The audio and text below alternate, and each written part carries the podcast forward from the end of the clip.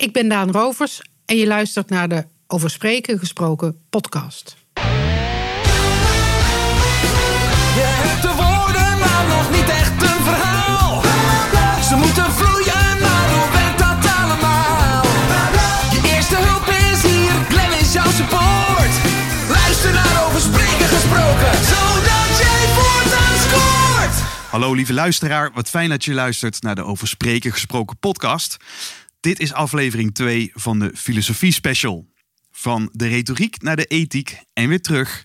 En in deze uitzending interview ik Daan Rovers. Daan is opgegroeid in Veghel en studeerde geneeskunde, het heette toen nog medicijnen, en filosofie in Nijmegen. Zij zette publieksfilosofie in Nederland op de kaart en doseert nu publieksfilosofie onder andere bij de Universiteit van Amsterdam. Ze is voormalig Denker des Vaderland, was heel lang eindredacteur van Filosofie Magazine. En we gaan het in deze uitzending hebben over nou, niet alleen wat is publieksfilosofie, maar hoe verhoudt, zich, hoe verhoudt filosofie zich tot het publiek, tot de politiek. Uh, wat, wat is de ruimte en hoe kunnen we ru- ruimte creëren tussen ons en de ander? Er komen verschillende onderwerpen voorbij. Ik kijk er heel erg naar uit om, eh, om dit aan jou te laten horen. Ehm, laten we het gaan hebben over politiek en de mens en de verhouding daartussen. En ik wens je heel veel luisterplezier toe. De Over Spreken gesproken podcast presenteert een filosofisch kwartet over de kunst van het goede leven. Via de retoriek naar de ethiek en weer terug. Daan, welkom in de podcast. Dankjewel. Ja, ik, eh, je- je- jij zei terecht, eh, eh, eh, eindredacteur, hoofd, hoofdredacteur. Ja, het is, de meeste mensen weten het verschil niet, maar voor mensen die in de journalistiek ge- gewerkt hebben, weten dat eindredacteur is een beetje een rotbaan. Dan moet je heel veel werk Redigeren en zo. wat anderen laten liggen. En als hoofdredacteur ben je een beetje de, de, de, leuke, de leuke figuur naar buiten die het beleid mag uitstippelen. Dus Ja. Dat is veel chiquer. Maar ik ben allebei geweest. Ja, en voordat ik het vergeet, eh, jij krijgt de hartelijke groeten van Paul van Tongeren. Ah, dankjewel. Maar ik kan ze niet terug bezorgen via jou natuurlijk. Want, nou, ik, eh, ik, zal hem, ik, zal, ik zal hem weer een bericht sturen. Hij krijgt er goed een terug. soort berichtendienst. Ja, dit. precies. Een soort postbode hier, eh, voel ik. Maar wa- wat, hij, wat leuk was, is dat hij zei dat, hij, eh, dat jij nog student bent geweest bij Ja. Paul. Dat is vooral leuk voor mij, want ik kan me goed herinneren dat hij voor de klas stond en dat ik eindeloos in zijn colleges zat eh, te noteren wat hij allemaal voor Ja? deze dingen zei. Maar hij kan zich mij helemaal niet herinneren uit die tijd, heeft hij wel eens bekend. Ah, Wat ja. ik logisch vind hoor, want ik geef tegenwoordig ook les aan een universiteit. En als je jaar in jaar uit gro- grote groepen studenten opleidt. En, en de colleges van Paul waren heel druk bezocht, want hij was een ontzettend populaire docent. eh, dan vergeet je wel eens een gezicht. Maar ik heb ehm, na mijn studie ging ik vrij snel bij Filosofie Magazine werken. En dat bestond toen net. En we hadden natuurlijk als taak of ambitie om, om echt een goede academisch filosofen die nooit buiten de universiteit kwamen, of heel weinig, om die nou eens iets te laten schrijven voor een, voor een breed publiek of Ja. te interviewen.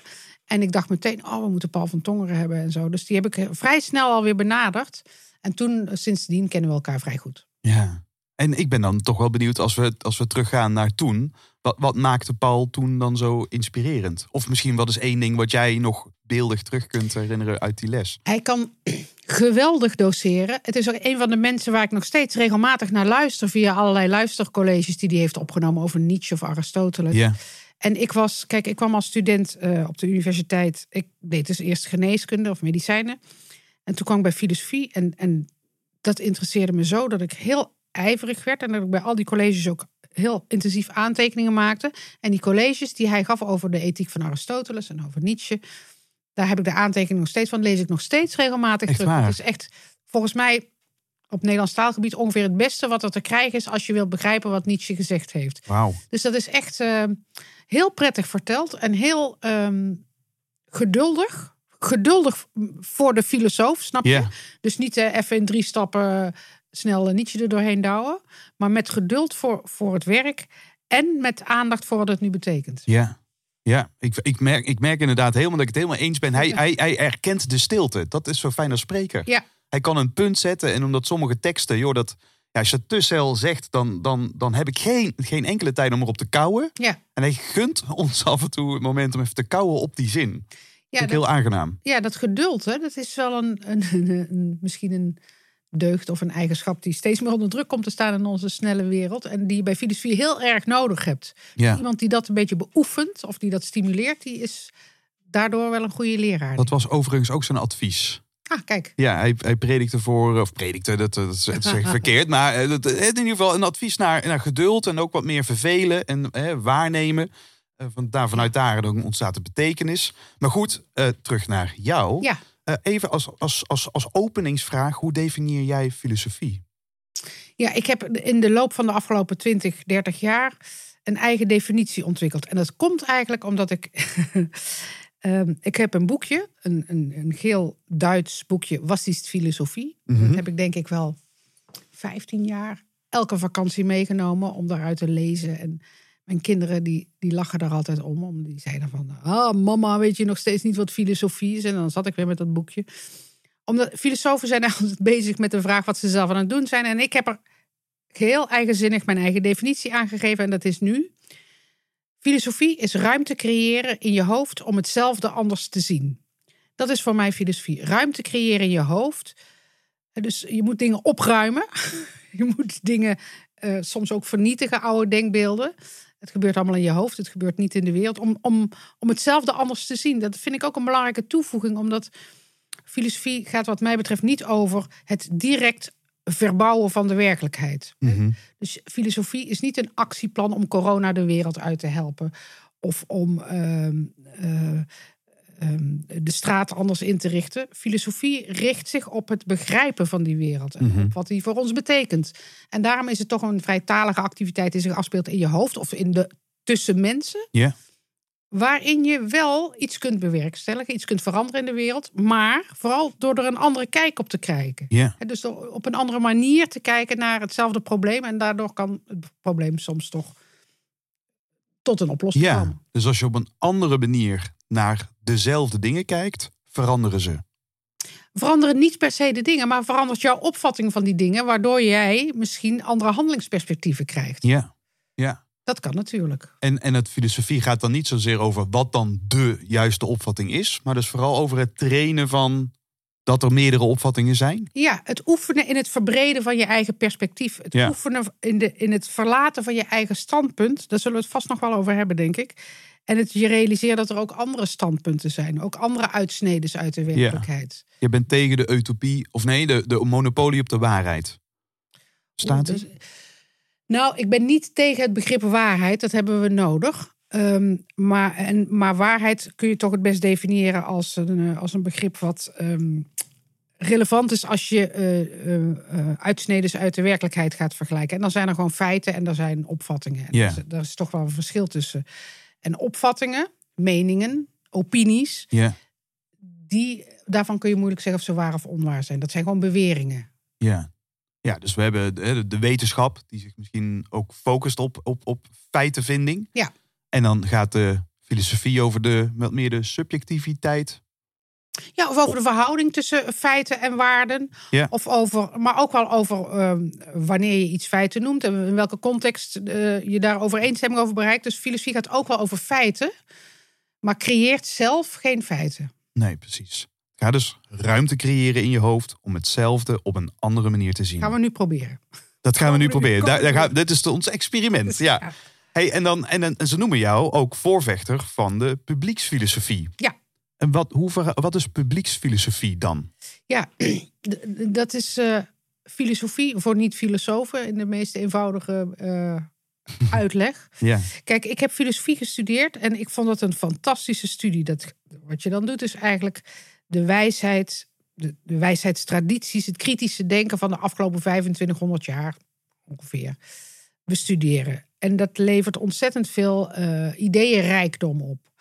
En aan de universiteit wordt dat op een prachtige manier gedoseerd. Maar ik wilde eh, destijds met Filosofie Magazine al eh, daar heel veel andere mensen mee kennis laten maken. Dat is één. Dat is meer een soort educatieve taak. Hè? Dus andere mensen eh, iets laten, laten weten, daar ergens aan laten deelnemen. Dat Ja. is één. En het andere wat ik wilde was het publieke debat of het politieke debat inspireren of ehm, beïnvloeden of interveneren met, met relevante filosofische inzichten of concepten.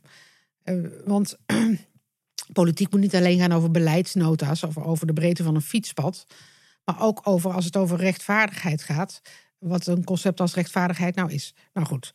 die twee eh, ambities die heb ik eigenlijk samengevat als ehm, publieksfilosofie. Ik ben dat woord gaan gebruiken, ehm, ik denk ongeveer tien jaar geleden, toen ik hoofdredacteur was van Filosofie Magazine. En, Mhm.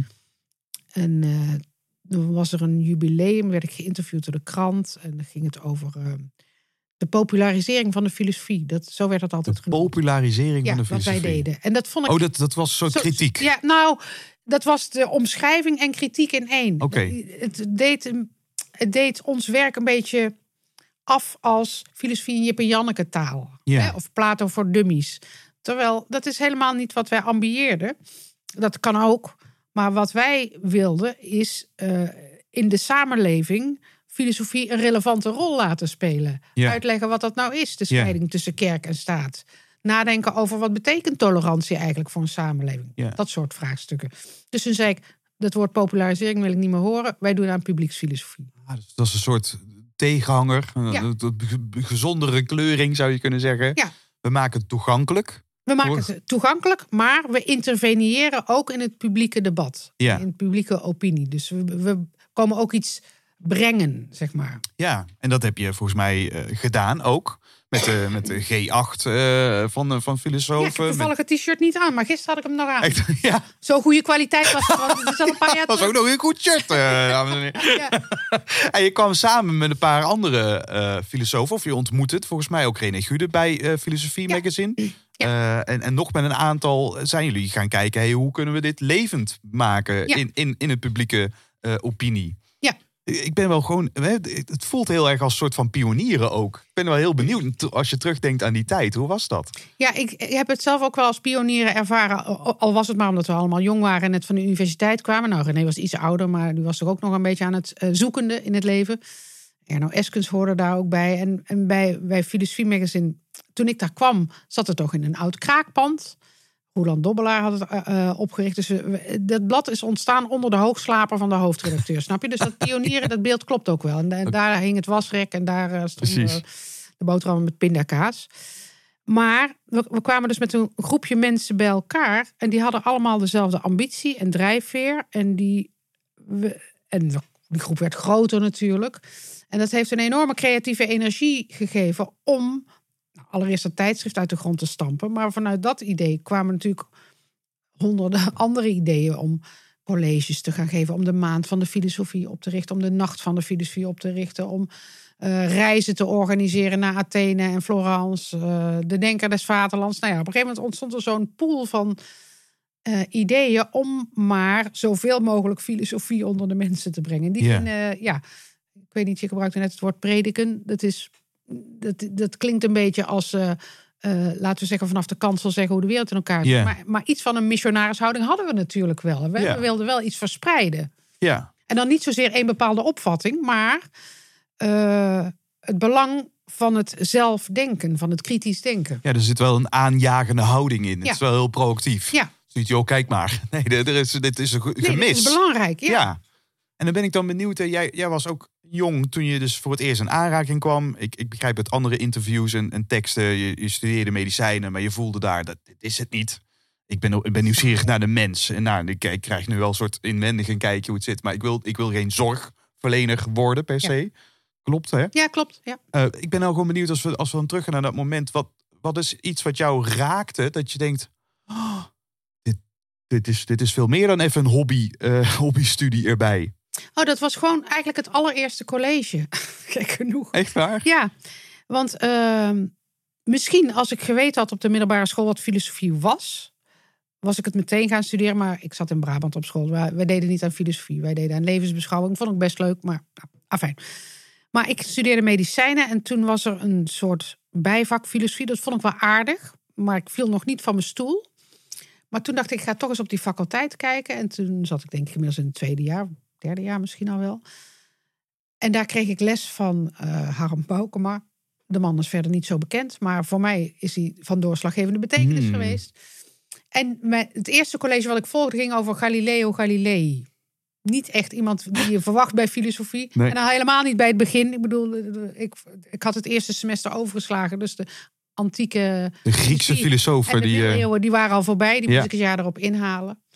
Maar dat eerste, die man kon zo vertellen over een wereldbeeld. En over een wereldbeeld wat kantelde door een bepaalde waarneming. En door ehm, de manier waarop de mens op een andere manier eh, betekenis kreeg in de wereld. eh, en, en niet meer het centrum van het heelal werd. En, en eh, die man gaf dus een vak. Iedere week vier uur achter elkaar. En, en in die vier uur behandelde hij steeds iemand anders. En de week daarna was het dan Descartes. En dan zat, ik wist helemaal niets van filosofie. En ik, ik weet nog dat ik echt per week moest ik mijn wereldbeeld aanpassen. Want dan was ik zo overtuigd dat Descartes het goed begrepen had. En dan een week later ging het over Spinoza. En dacht, god, oh ja, maar Descartes had die en die dingen niet gezien. Dat zegt Spinoza, oh ja. En ik was echt, het waren echt transformatieve ervaringen bijna per week. En dat had ik bij medicijnen echt ehm, totaal op geen enkel moment die ervaring. Toen dacht ik, nou, dit vind ik zo geweldig. Dit, dit moet ik mezelf gewoon gunnen om, de- om daarin verder te gaan. Ja, dus je noemt het transformatief. Ja, Het, is, eh, ja. Je noemt wereldbeeld. Denk, Ja. ja, dat, dat, dat is ook een hele belangrijke. Ze, ze, ze zetten een eigen wereldbeeld op papier. Ja. Maar ze tuimelen ook over elkaar. De, de filosofen reageren weer op elkaar. Die Het nou, zijn natuurlijk gesprekken eh, over de tijd heen Ja. met elkaar. Ja. precies. Eh, en, en je noemt dan Descartes als een van de, de, de eerste die dus zo'n wereldbeeld eh, Ja. verruiming eh, deed. Wat, wat was dat? Van, kun je dat nog herinneren? Wat dat was van Ik weet Descartes? eigenlijk niet meer precies. Ik denk, neem aan dat we gewoon de meditaties lazen en daarvan het begin. Weet ik eigenlijk niet eens meer. Maar het ging natuurlijk wel in die periode over, laten we zeggen, de strijd tussen waar komt kennis vandaan? Zit dat in, komt dat uit ons verstand, uit ons denken? En hoe werkt dat dan precies? Want Descartes is de, positie van- bekende uitspraak is toch, ik denk, Ik denk dus ik ben. Ja, dat is de positie van Descartes. Maar er waren ook heel wat filosofen, de empiristen, die zeiden nee, wij hebben nul kennis van nature. Alle kennis komt uit de waarneming. Dat dus was David Hume, volgens Ja, mij was dan zo'n eh, aanhanger eh, van. Berkeley en Hume, die drie zeg maar, die, die zeggen mensen zijn eigenlijk een onbeschreven blad Ja. als ze ter wereld komen. En ze kunnen niet iets kennen behalve dat wat ze waargenomen hebben. En zo bouwen we kennis op. En dat zijn eigenlijk twee klassieke scholen in de theorie over hoe kennis werkt. Laten we zeggen het empirisme en het rationalisme. En dat komt later dan via Kant weer bij elkaar. Maar goed, we hoeven niet het hele, het hele eerste jaar over te doen. maar die strijd, zeg maar, van hoe, hoe kom je aan kennis? En hoe zit dat eigenlijk? En wanneer weet je iets zeker? En kun je dat wel weten? Nou, ik zat al drie jaar op de universiteit. Die vraag was nog nooit door iemand gesteld. Dat is toch best wel een belangrijke vraag. Want ik was daar allemaal medische kennis aan het opdoen. Over, eh, over de bloedsomloop en over antibiotica en over weet ik veel.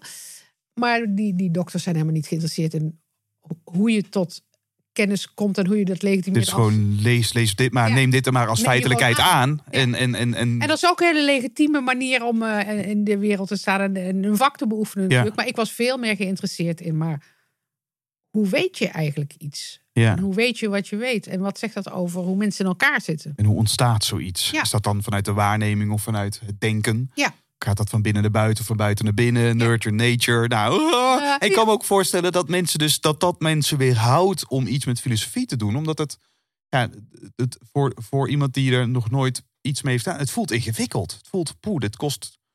Het maakt dingen die voor mij ogenschijnlijk als vanzelfsprekend zijn. Ik ga allemaal dingen bevragen Ja. waarvan ik mezelf afvraag: waarom zou ik dat moeten bevragen? Ja, ik weet eigenlijk niet. Ik ken heel veel mensen die, ehm, die zoals eh, mijn familie zou zeggen, daar ga ik mijn kop niet over uitlaten. ja. Precies, ja. Waar is het daarvoor nodig? Daar brand ik mijn vingers niet aan. Hoe, waarom zou je daarmee bezighouden? Hè? Ik kan Ja. veel beter een, zoek een normaal vak. Dat was volgens mij ook wat je ouders volgens mij letterlijk dachten, Ja, toch? Van, ach, meisje toch? Onzin. Maar toch, ik, ik, ik betwijfel of die mensen dat volhouden als je ze op een. Ja, op een. Niet iedereen gaat Descartes zitten lezen, dat snap ik ook wel. Maar ik kan, denk ik, inmiddels hoop ik, met iedereen praten op een manier die toch op een bepaalde manier filosofisch is. Die toch aan de randen van je eigen zelfsprekendheden iets triggert, waardoor je er net iets anders over nadenkt. Ik Ja. denk eigenlijk dat mensen zichzelf onderschatten en denken van, dat ben ik, kan mij het schelen. Ja. Het lijkt een beetje ook eh, cultureel, eh, maatschappelijk in Nederland. Hè. Doe, maar, doe maar normaal, doe je ook gek genoeg. Ja, en uh, natuurlijk niet iedereen hoogleraar in de filosofie te worden. Maar een klein beetje je eigen vanzelfsprekendheden af en toe betwijfelen, dat kan toch geen kwaad. En ik denk dat de meeste mensen dat eigenlijk ook wel doen of voor openstaan. Ja. Nou, verleid ons, Daan. Verleid ons, alsjeblieft. En misschien is dat wel een mooi bruggetje ook naar een, een boek wat eh, gepubliceerd was eh, toen jij Denken des Vaderlands Ja. was. Eh, wij zijn de politiek. Ja. Het denken van Daan Rovers. En een van de eerste dingen waar je, die je daarin aankaart is de vrijheid van meningsuiting. Ik heb even een vraag. Ja, Mag ik koffie inschenken tussendoor? Koffie, Want ja, ja, zeker. een klein beetje. ja zeker. Ja, ja. En, en je Praat je even door dan? ik, eh, praat, ik, ik, ik lul dit gewoon, dames en heren, welkom bij eh, de reclameblok van politieke partijen. ting tong tong ting tong. Welke politieke partijen eh, eh, stem jij in ieder geval niet, Daan? Nou, antidemocratische partij. Antidemocratische Mag ik daar, partij. gewoon mee beginnen? Ik ga, als jij nu verder gaat kletsen, ga ik ook nog, dan ga ik, schenk ik deze nog Ja. even. ik zeg eigenlijk nooit wat ik wel stem, omdat ik als Denker des Vaderlands met name ook dacht van ik moet een eh, ja, zo'n breed mogelijk. eh, breed- open mogelijke houding hebben om eh, met alles en iedereen te kunnen praten. En eh, dat wil ik ook nog steeds. En dat doe ik ook nog steeds. Ja, En bovendien eh, weet, weet niemand misschien wat hij over twee of drie jaar stemt. Maar er zijn wel grenzen die ik niet overga. En dus partijen met een, met een echt anti-rechtsstatelijke verkiezingsprogramma, daarvan zijn er nu twee. Eh, de LPF en de PVV, daar zal je mij nooit aantreffen. nee. Nee, want dat staat dus, dat, is, dat ondermijnt de democratie. Ja, dat ondermijnt het idee van de democratie zelf, denk ik. Ja. Ik voel meteen allemaal tien vragen opkomen als het gaat over democratie. En ook natuurlijk, daar hebben natuurlijk eh, filosofen ook veel over gemeld. Over, ja, is, Zeker. dat, is dat überhaupt wel een goed systeem of Ja. niet? Eh, maar laten we dat misschien als zaadje gebruiken voor eh, later. Je, je hebt je refill. Ja, ja, zit, ik kan weer ja, vooruit. we hadden het over eer- een van de eer- eerste onderwerpen wat je aanstipt in je boek. En dat is de vrijheid van meningsuiting. Nou, als het gaat over het verruimen van je denkbeeld, het verruimen van je wereldbeeld. Eh, is dit denk ik een, een, een, misschien een mooie eerste, eerste stap om aan te raken, of niet? Ja, dat- ja. Ja, wat wil je? eh, Wil je er iets over weten? Moet ik er iets over zeggen? ja vrijheid van meningsuiting. Ja. Ik, ik, ik, zeg, ik zeg wat ik vind. Jij noemt, misschien is het toch wel leuk om, want het is zo'n beeld, beeldend. Eh, je, je, je schetst een, een situatie van thuis. Ja. Ja, de vrijheid van meningsuiting. die die mijn kinderen met name ook heel heilig vinden voor zichzelf. Ja.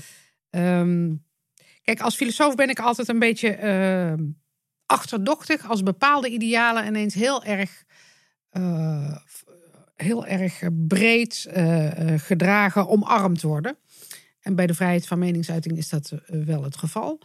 En daar bedoel je mee dat we dat als groot goed zien of zo? Dat we dat, dat, kijk, dat dat vinden? Dat we dat... is, dat zal ik ook niet ontkennen. Maar dat het ineens zo onomstreden het grootste goed is, dan, dan ga ik toch altijd even nadenken van wat is daar precies gebeurd. En ehm, eh, een gedachte die, eh, of een situatie die hierbij speelde, was toen mijn jongste zoon, ik denk zes of zeven was, hij was echt heel jong. Maar dat is een beetje een bij de hand te jong. En die had op school iets gehoord over Spinoza. Had die lesje over gehad. Ja, en hij dacht, oh, filosofie moet ik goed opletten, thuis vertellen tegen mijn moeder.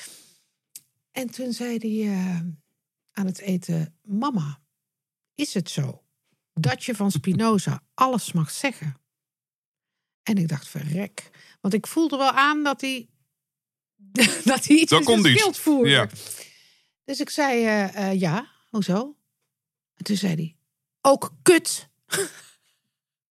toen moest ik heel hard lachen natuurlijk, want... eh, hij dacht dat, hij, dat Spinoza hem een zekere ruimte gaf van dingen die, die wij hem als ouders ontzegden. Hè? Ja. Dus, want van ons mogen ze niet vloeken.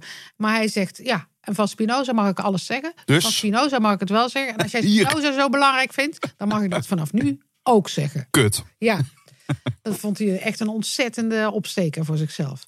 Hij was er heel blij mee. Maar goed, toen... ehm, de, ik, ik Moest jij ook nog wel even nadenken, toch? moest even nadenken. Het is wel een uitdaging om hem, om hem dan uit te leggen dat Spinoza dat niet bedoelde met die vrijheid van meningsuiting. Dus eh, toen eh, zaten we daar een tijdje over te, te discussiëren. Toen gingen we het natuurlijk hebben over wat is een mening eigenlijk? Wanneer is iets een mening? Dus kijk, je kunt ook zeggen van ja, je mag het wel zeggen, maar je hoeft het niet te zeggen. Dat is één manier om het kal te stellen. Maar ik was meer geïnteresseerd in maar wa- waarom vind je dit een mening? Een mening waarover eigenlijk? Ja. En waarom is die relevant om te uiten? Wat is dan kut? Ja, Of moeten we het dan louter hebben over nou, het, het, het zomaar een uitroep. het, het- het object waar het naar refereert? Ja. dat zou kunnen, maar dat weet ik niet, zoon. Daar heb ik Het niet eens aan gedacht. heel, heel duidelijk dat jij gewoon eh, hetero bent of zo. eh. weet ik niet. Ik had nog allemaal andere afslagen kunnen kiezen. dat ja, precies.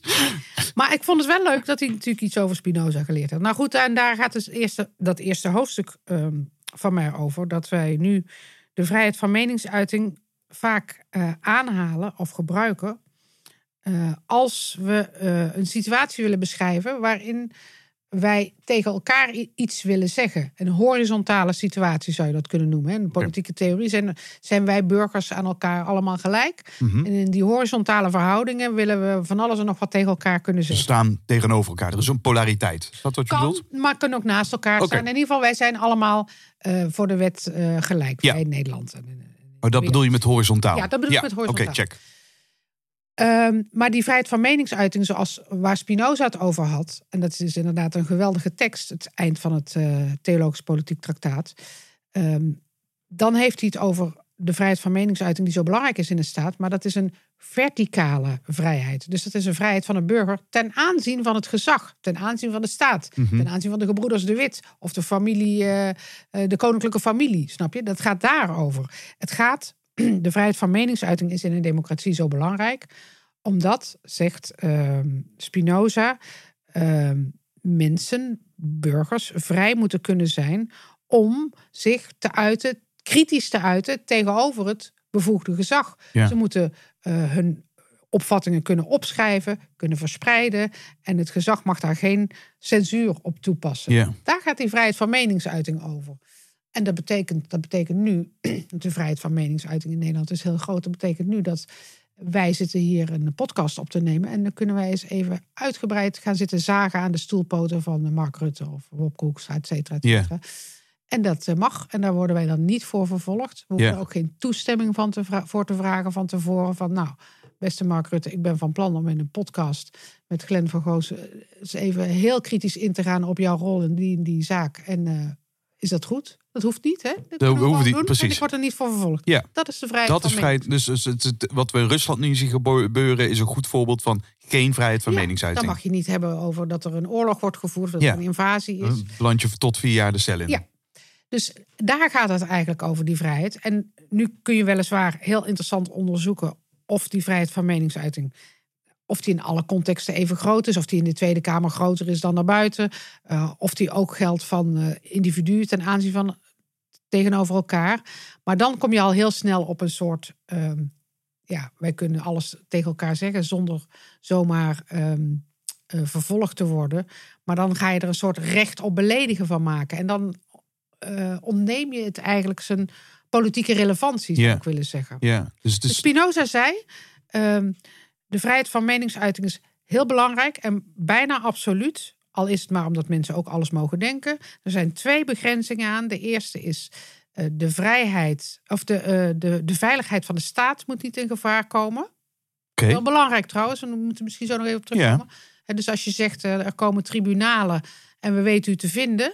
Dus maar dat- denk ik niet dat dat nog onder de vrijheid van meningsuiting zou vallen bij Spinoza. En het tweede is oproer kraaien en oproepen tot geweld. Dat mag ook niet volgens eh, Spinoza. Ja. Oproepen tot de revolutie of, eh, of tenminste tot geweld. Ja, en daar hebben we nu ook veel politieke discussies van gezien. Hè, als het gaat over de rellen gekoppeld aan eh, corona. Nou, daar, daar was ook zo'n discussie over hoe, hoe ver... Je mag Ja. je hebt recht op staken, je hebt het Ja. recht op... Maar binnen welke kaders Ja. zou dat moeten gaan? Als je vervolgens op, dat, op de dam staat met een galg... Ja, en je refereert naar een paar aantal politieke figuren die, die aan die galg mogen... ja. Ja, daar, daar, daar zag je dat mensen ook volgens mij best wel een grens trokken. Ja, van ja, dat, dit is opgroeiing.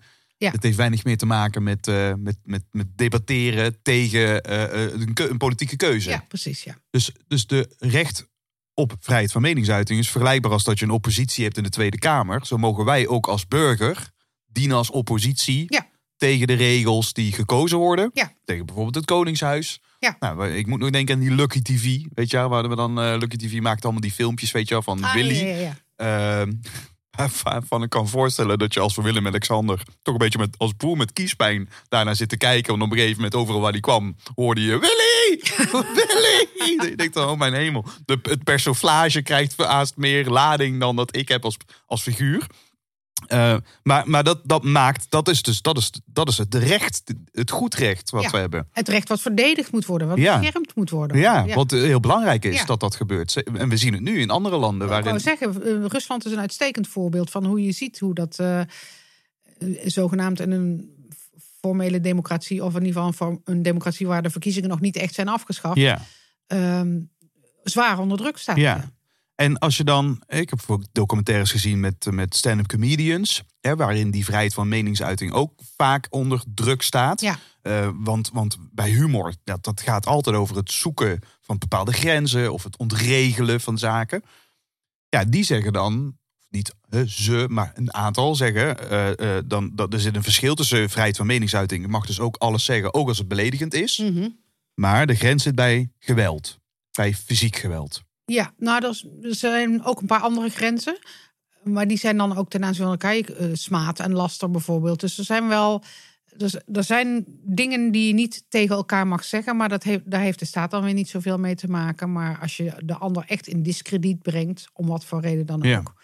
Dan, eh, ja, dan mag dat niet. Ja. Dan zijn daar eh, regels voor. En hoe kijk jij dan naar nou, bijvoorbeeld social media, waarin er eigenlijk heel weinig ruimte meer zit tussen nou, dat wat ik denk eh, en, en wat, wat ik dan de ether inslinger? Ja, het het is een, eh, een enorm debat wat je daarover kan voeren. Maar ik denk dat we onderschat hebben. Ik denk dat we twee dingen onderschat hebben. Ehm, het eerste is hoe, precies wat je zegt, hoe dicht dat bij elkaar ligt. Dat het bijna een, ver- een verlengde is van ons denken, terwijl het allemaal eh, de openbare ruimte ingaat. En ehm, ik denk dat iedereen die wel eens actief is op social media, in ieder geval ik zelf ook, wel eens de ervaring heeft dat je denkt dat je, ja, dat je gewoon bij, bijna iets privé zegt tegen iedereen en dat je daar later op aangesproken wordt en dat er heel veel mensen mee zitten te lezen, snap je? Dat, je hebt zelf niet altijd in de gaten dat je gewoon ergens op een podium iets staat te vertellen in plaats van één op één tegen iemand of eh, ehm, zichtbaar en, en, en na te lezen voor iedereen. Dus die, laten we zeggen dat ehm, technologische aspect, dat, je, dat dat wat je denkt en zegt op een bepaald moment wordt uitvergroot en wordt, kan worden uitgelicht en voor eeuwig eh, eh, vast blijft liggen. Daar overzien we de consequenties niet van. Hmm. Dat, is denk ik één. En het eh, tweede is, het heeft zo'n radicaal, eh, radicale verandering gegeven in de, laten we zeggen, de machtsverhoudingen of de structurele verhoudingen van het publieke debat dat we daar ook nog niet echt van bijgekomen zijn. Dat wil zeggen, je zou kunnen, ik maak wel eens de vergelijking dat, eh, laten we zeggen, het, het publieke debat, en daarmee bedoel ik eh, het gesprek in de samenleving over hoe we willen samenleven. Mogen er wel of geen vluchtelingen binnen? Vinden, wat vinden we van de klimaatmaatregelen? Dat soort onderwerpen. Die werden vroeger eh, door een, een aantal mensen eh, besproken die deskundig waren of die op belangrijke politieke posities zaten. En dat zond de televisie dan uit en dan konden wij thuis bedenken wat we daarvan vonden. Ja. Maar nu vindt dat gesprek eigenlijk in de samenleving zelf plaats. Het is een beetje alsof je in een voetbalstadion zit en dat vroeger de, hè, dat je naar een wedstrijd keek en dat je dan jezelf tot die wedstrijd verhouden. Maar nu is dat hele stadion met elkaar aan het praten. hè. Vaak loopt het gewoon parallel. Op Twitter wordt er eigenlijk gewoon al gereageerd. Terwijl dat de uitzending als het ware Ja, bezig en dat wat er op Twitter wordt gezegd, komt weer in de uitzending. Dus dat Ja. is één grote cacophonie van Ja. eh, heel onoverzichtelijk en chaotisch en rumoerig en ongestructureerd. Maar daardoor ook veel ja, democratisch. Ik weet misschien is een beetje misbruik van het woord, maar in ieder geval. ehm, wij, veel meer mensen hebben toegang tot dat gesprek. Ja, bijna iedereen heeft toegang tot dat gesprek. Je hoeft niet per se eh, een hoge positie op een ministerie te hebben, of, of speciaal veel kennis te hebben, of op een andere manier eh, uitgenodigd te worden tot de inner circle. Iedereen kan deelnemen. En dat heeft hele grote voordelen natuurlijk. Maar ehm, we zitten wel met de groeistuip, zou je kunnen zeggen. Dat we nog niet goed weten hoe dat gesprek op die social media gevoerd moet worden.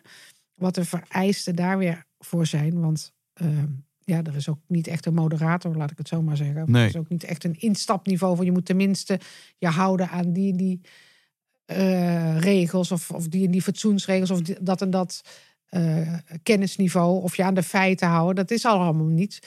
Dus Het begint nu, hè, het, het, het- het begint nu wel dat social media eigenaren steeds meer daar, eh, da- Ja, daar invloed dat op willen gaan ja, uitoefenen. ja. Hè? Van ik ga je gewoon, ik cancel je, want het rijmt niet met een, eh, met, met een politieke eh, keuze. Wat ook weer heel heftig was, want dan zeg maar de, de, de, de meningen en de haat, dat mag dan wel. Maar als je dan zegt, ik laat me niet vaccineren bijvoorbeeld, wat nou, een keuze is, hè, die iedereen voor zichzelf kan nemen. Ja, dan, dan werd dat eh, soms eh, van social media afgehaald. Omdat Ja, dat aanzet ook, ook tot die iets. Ook de, de mededeling dat je niet laat vaccineren? Of gaat het meer om het verspreiden van nepnieuws? Ja, wat de vraag is dan, wat, wat, is dan, wat is dan net nieuws? Hè? Nou ja, de mededeling ik laat me niet vaccineren is dan geen nepnieuws. natuurlijk. Nee. Tenminste, als dat ook zo is. Ja. Maar, maar nepnieuws is ook wel weer, nou ja, goed, dat is weer een onderwerp op zich. Ook heel interessant, want Ja.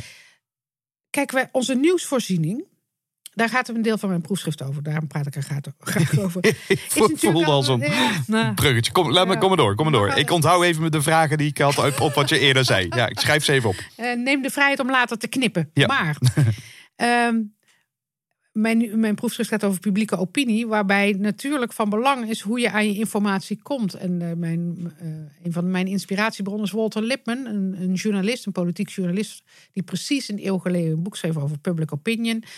En eh, dat ging eigenlijk over de vraag: ja, maar als het dan zo belangrijk is hoe wij denken, eh, wat onze opinies zijn, als het in een democratie zo belangrijk is, waarom besteden we dan niet veel meer tijd, aandacht, geld en structuur aan de manier waarop mensen tot die opvatting komen? Ja. Hè? Dus hoe, hoe worden ze gevoed?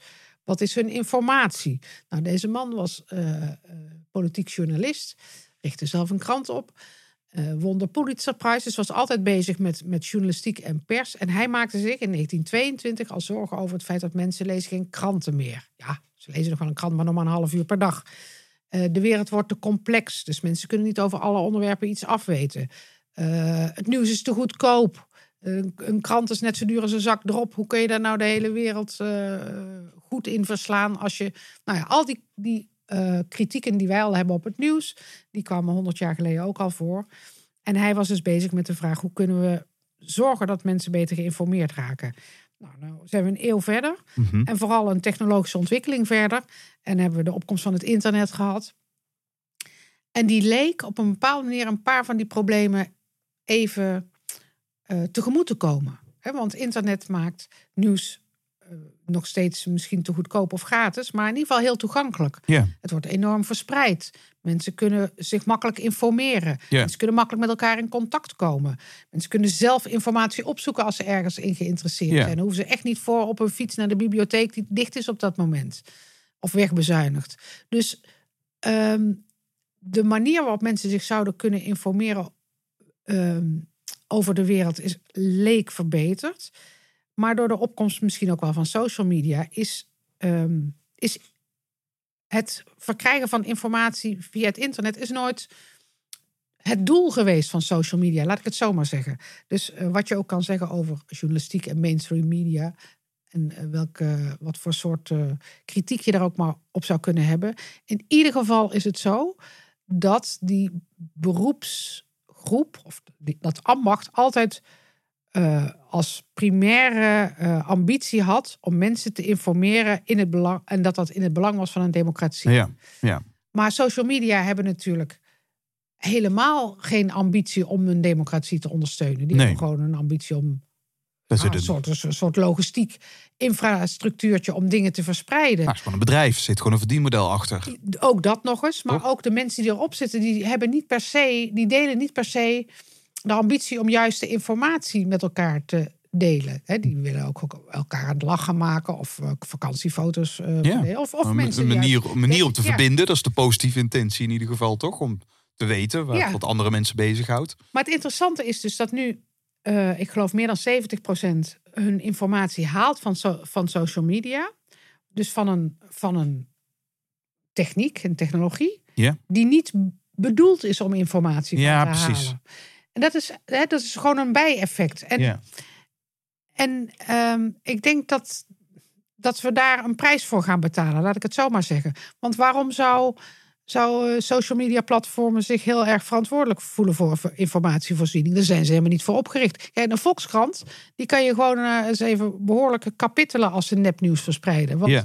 Dat is een krant die ambieert om. Er zit om die journalistieke. Ja. eh, kennis en, en, en vakkunde zit daar. En die mogen we ter verantwoording roepen, Ja. hoor ik je zeggen. Dat is op social media niet. Nou, eh, TikTok ambieert dat niet per se en Instagram ook niet. Dus daarvan zou je nog kunnen zeggen, ze willen misschien de uitwassen bestrijden. hooguit. Ja. Maar eh, mensen van goede informatie voorzien is niet hun. da- daarvoor zijn ze niet op aarde. En dan noem je een aantal, een aantal dingen. En, ik, en, en zeker als het gaat over dus die publieke opinie, belangrijk. We, er zijn dus, hè, er is, er, door de, door, door de, eh, de WWW, eh, World Wide Web, hebben we toegang tot allemaal informatie. Ja. Dat is in wezen Geweldig. positief. Ja, is geweldig. Eh, en daardoor ontstaat er een paradox. Het is super makkelijk, nog nooit zo gemakkelijk om informatie tot me te krijgen. Met één druk op de knop. Ja. En tegelijkertijd is door de hoeveelheid aan informatie wordt het voor mij steeds moeilijker om dan te snappen en te voelen wat is dan de juiste informatie. Ja, dat. En eh, je kunt eh, de hoeveelheid informatie die je hebt, kun je ook niet meer onders. eh, ehm, nou ja, laat ik het anders vragen. Ik heb hier veel boeken in mijn kast. hè. Ja, Ehm, heb ik dan ook kennis van die boeken als ze in mijn kast staan? Ik heb gewoon boeken. ja. Als ik ze niet gelezen heb, zou je zeggen, wat, Wat heb je er dan aan? dan heb ik niet de kennis van die boeken. Nee, Dus ehm, iets weten is iets anders dan informatie hebben. ja, Terwijl eh, ook dat. Die, die, bij een boek is het vrij duidelijk dat er een behoorlijke kloof tussen zit. Want er zitten bijvoorbeeld al 40 uur in, bijvoorbeeld om een bepaald boek te lezen. Ja. Dan, eh, dan heb je pas die En ik heb zelfs nog het probleem dat ik af en toe zo kan consumeren dat ik het niet verteer. Dus dan denk ik Ja, bij boek dat- 4, kut. Ja, Ja, die, die andere boeken, die ja, heb ik niks mee gedaan. Dus ik vergeet het weer. Maar als je informatie ziet als iets opzoeken op Google, dan heb je natuurlijk de- dan is die, die stap zo klein dat, ehm, dat informatie hebben en iets weten wel hetzelfde lijkt. Maar Ja. dat is natuurlijk toch niet zo. Tenminste, dat is, ligt nu heel dicht bij elkaar via een, een, een hele handige interface. En, en, en je noemt een, een lezing, noem je al heel, heel, een hele mooie zin, vond ik. Dat, dat social media soms ook een soort echokamer voor je eigen gelijk wordt. Ja. Dus, dat, de- dus die algoritmes, die weten ook heel goed om precies dat te presenteren waarvan ik al overtuigd ben. Ja, dat, dat, overigens, dat is een probleem van die algoritmes, maar dat is ook een probleem van onze eigen overtuiging. Ja, Ik weet niet of je wel eens het werk van Kahneman gelezen hebt. Weet je, die met eh, verkopende systeem 1, psycholoog. systeem 2. Ja, wij zijn gewoon geneigd om datgene wat past binnen onze straat als overtuigender te Ja, beschouwen. ja. Dus als ik twee opvattingen voor me zie en de ene ben ik het meer mee eens dan de ander, vind ik die opvatting ook beter onderbouwd. Ja, ja. Dus, de, de- dus het versterkt onze slechte neigingen, laat ik het zo maar Ja. En je zegt dan ook doordat we dus op die eh, social media platforms terechtkomen, ook voor informatievoorziening, dan zou je kunnen zeggen dat het een. Dat voelt heel verantwoordelijk. Hè? Dus wat ik erop zet, wow, dat wordt ineens heel erg toegankelijk voor miljoenen mensen. En je zegt ook een nadeel is, of een nadeel zou kunnen zijn, het blijft er voor altijd op staan. Dus zeker als ik een publiek figuur ben en ik heb een paar jaar geleden als met mijn maat toch lekker op Twitter, weet je wel, hebben we afgegeven tegen iets. Ja, dat kan nu tegen me gebruikt worden. Zijn gewoon journalisten die gaan gewoon zoeken en die pakken op een gegeven moment, hé, hey, kijk eens wat je hier een paar jaar geleden hebt gezegd. Dus dat voelt best gewichtig. Alleen als ik gebru- zelf gebruik maak van social media, ja, dan is het allerlaatste waar ik mee bezig ben, is, is, is, is dat bewustzijn. Ik ben gewoon een consumeren. Ik, wil- het is gewoon een dopamine machine. Ik voel me gewoon. Of ik deel zelf iets wat ik leuk vind. Of, of ik ben jaloers op andere mensen die iets anders online hebben gezet. Waarvan ik dacht, oh, had ik ook wel bij willen zijn. Ja, maar het is vaak. Ik denk dat het ook een beetje psychologisch is dat, eh, dat er weinig impulscontrole op zit. Het is een beetje net als eh, appen met iemand die je ruzie, met wie je ruzie hebt. Dat, je bent gewoon met elkaar in gesprek en, eh, en, en je filtert er zomaar of je gooit er zomaar uit wat op dat moment in je opkomt. Nou, Als dat in een één op één contact is en dan kun je dat later misschien wel weer herstellen.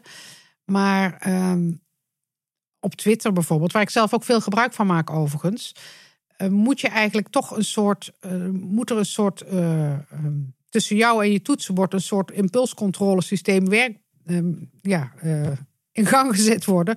Waardoor je toch niet ongefilterd dat wat je denkt meteen op Twitter smijt. Of althans, ik denk dat bijna niemand zich kan permitteren in zijn werkzame leven om dat allemaal maar in de buitenwereld te gooien. Nou, we zien hier duidelijk toch wel een verschil tussen som- sommige mensen die dus eh, eerst even tot tien tellen en dan denken, joh, laat maar. eh, versus mensen die dat maar in de eter slingen. Soms hele nare dingen zeggen, worden opgezocht af en toe. Ja. Dan soms ook meteen spijt hebben. Zo van, ja, nee, het is ook gewoon een soort, soort, ja, soort effectbejag. Een soort Ja. van, oh, het voelt ook wel heel...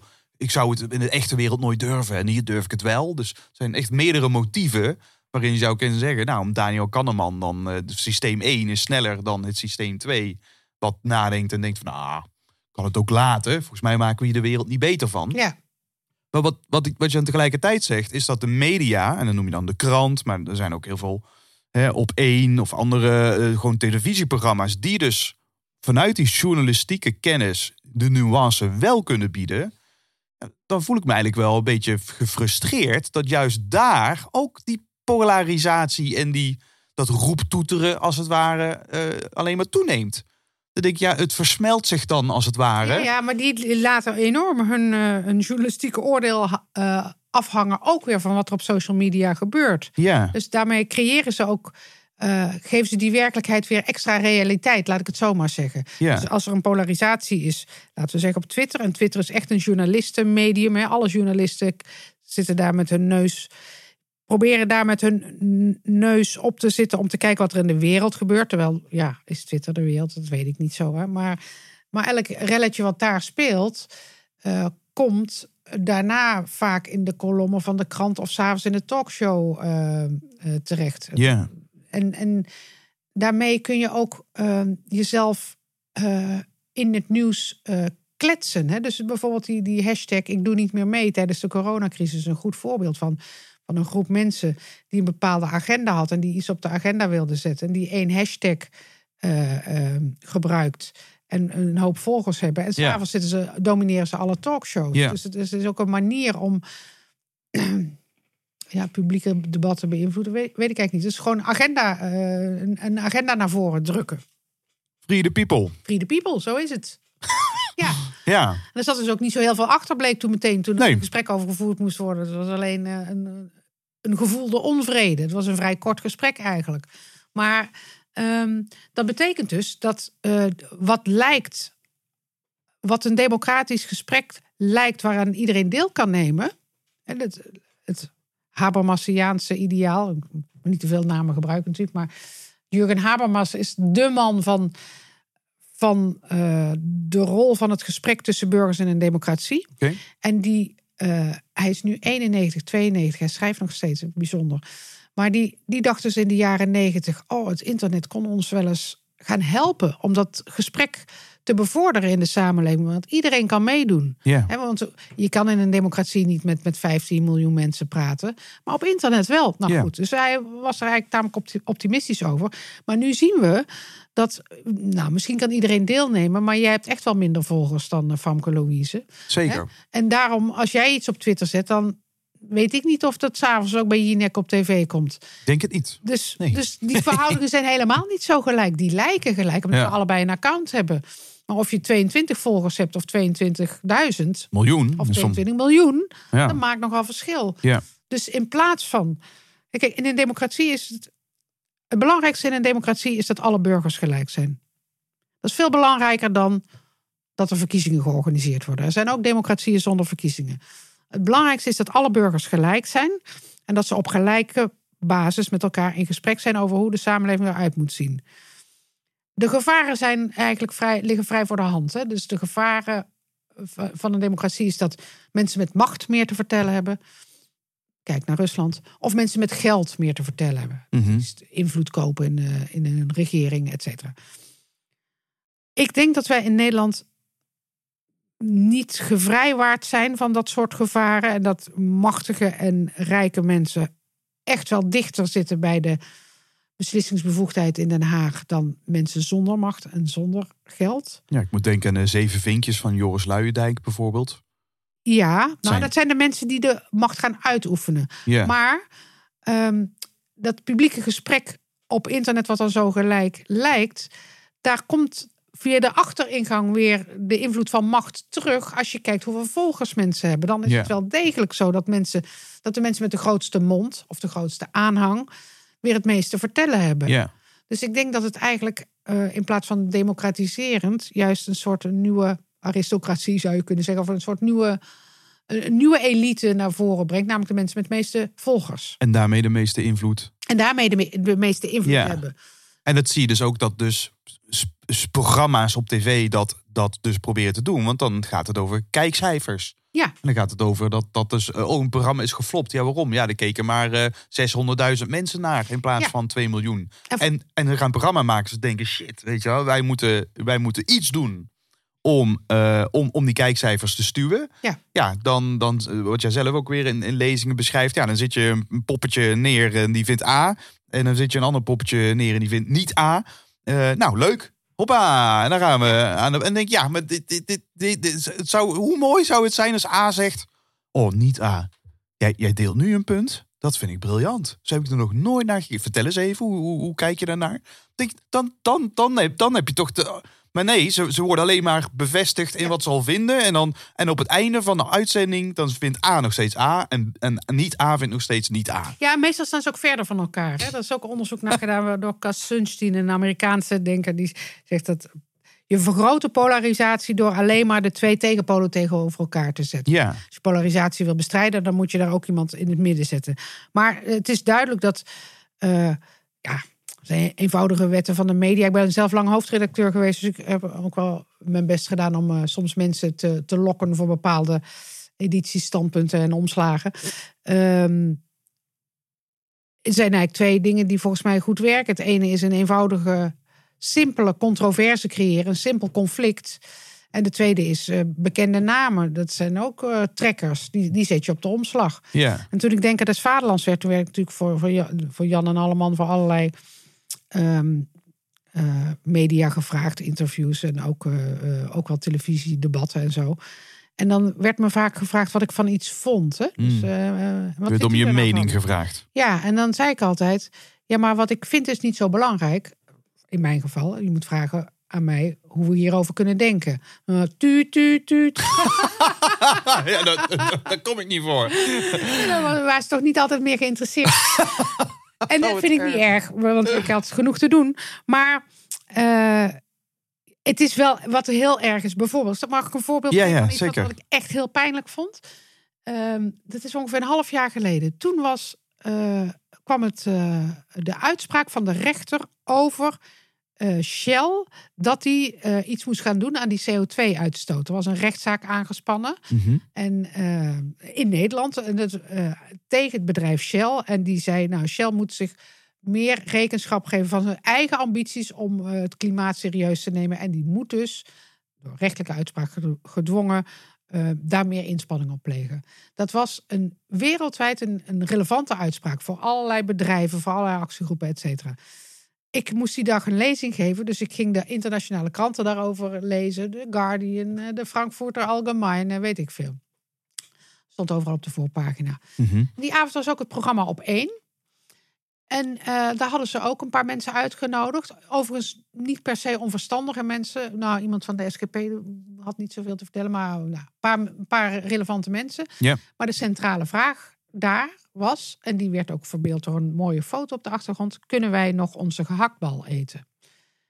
Dat, dat, was, dat was zo ver van de betekenis van die uitspraak die een rechter had gedaan die wereldwijd relevant was. Dat hadden ze, ik, dat, dat hadden ze verknipt tot iets wat daar amper nog mee te maken had. En waarop van een, van een simplisme wat eigenlijk geen enkel recht meer deed aan de aanleiding Ja. van het nieuws.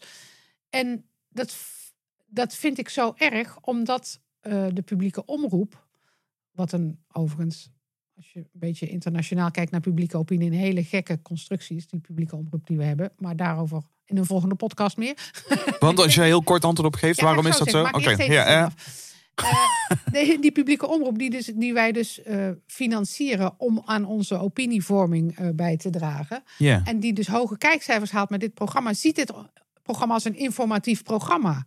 En die verknippen dan zo de werkelijkheid. Dat vond ik echt heel erg. Maar goed, die publieke omroep dus.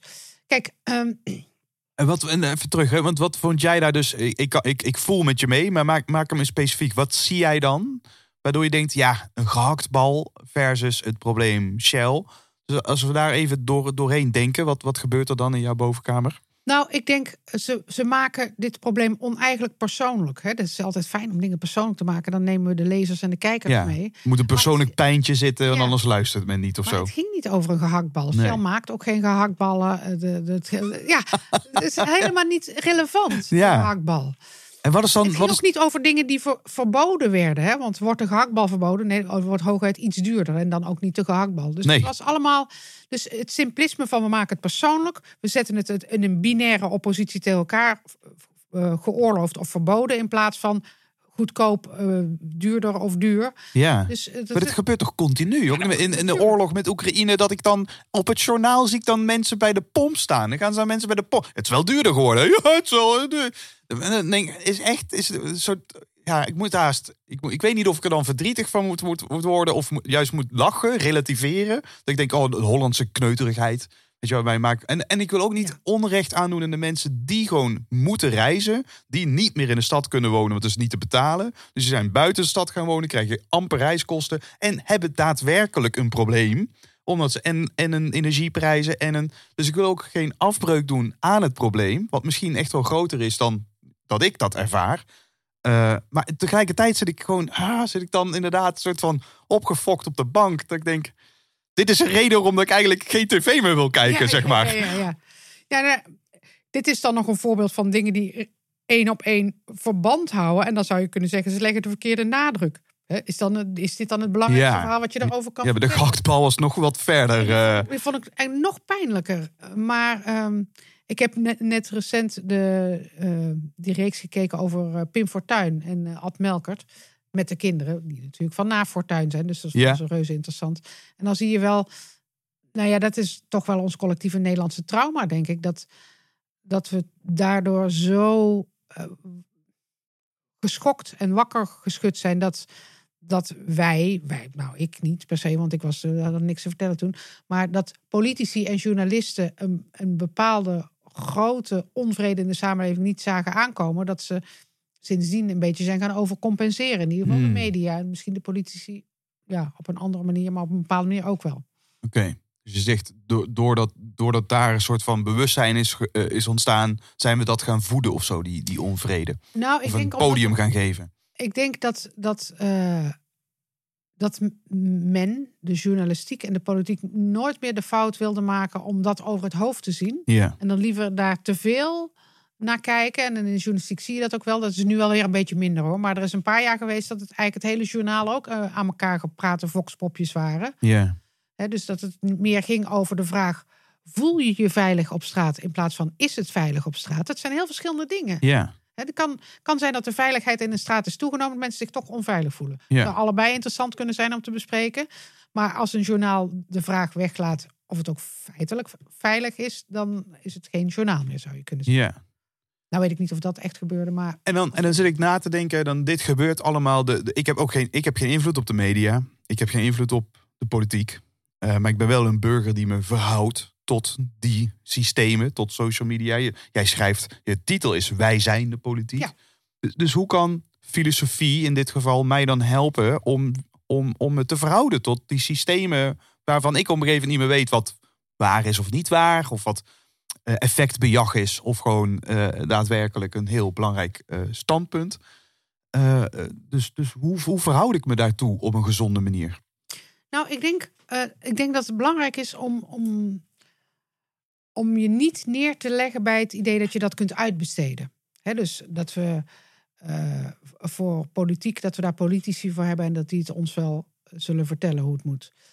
Ehm, dat is, vind ik, eigenlijk het allerbelangrijkste. Je, je realiseren dat ehm, een samenleving gemaakt wordt door de mensen die er wonen en dat politici daarvan eigenlijk een soort uitvoerders zijn. Je bent natuurlijk heel erg geïnspireerd door die oude Griekse denkers, die ook in een democratie leefden, maar een heel ander type democratie, een directe democratie.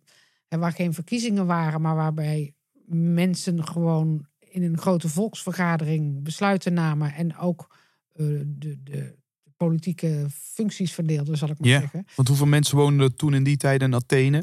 Nou, daar woonden zo'n 150.000 mensen in die periode. Mhm. eh, om en nabij.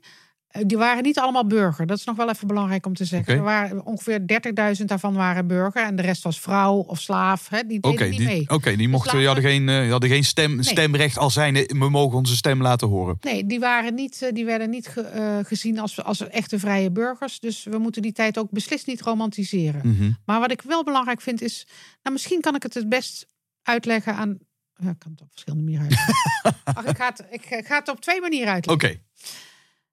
De eerste is misschien, vind ik toch nog wel leuk om te vertellen, dat ik een paar jaar geleden ehm, mijn oudste zoon ging overhoren voor zijn proefwerk eh, geschiedenis. En dat, die, en dat ging over de oude Grieken, over de Athe- Atheense democratie en hoe die ontstaan was. En daar stond een definitie van politiek in.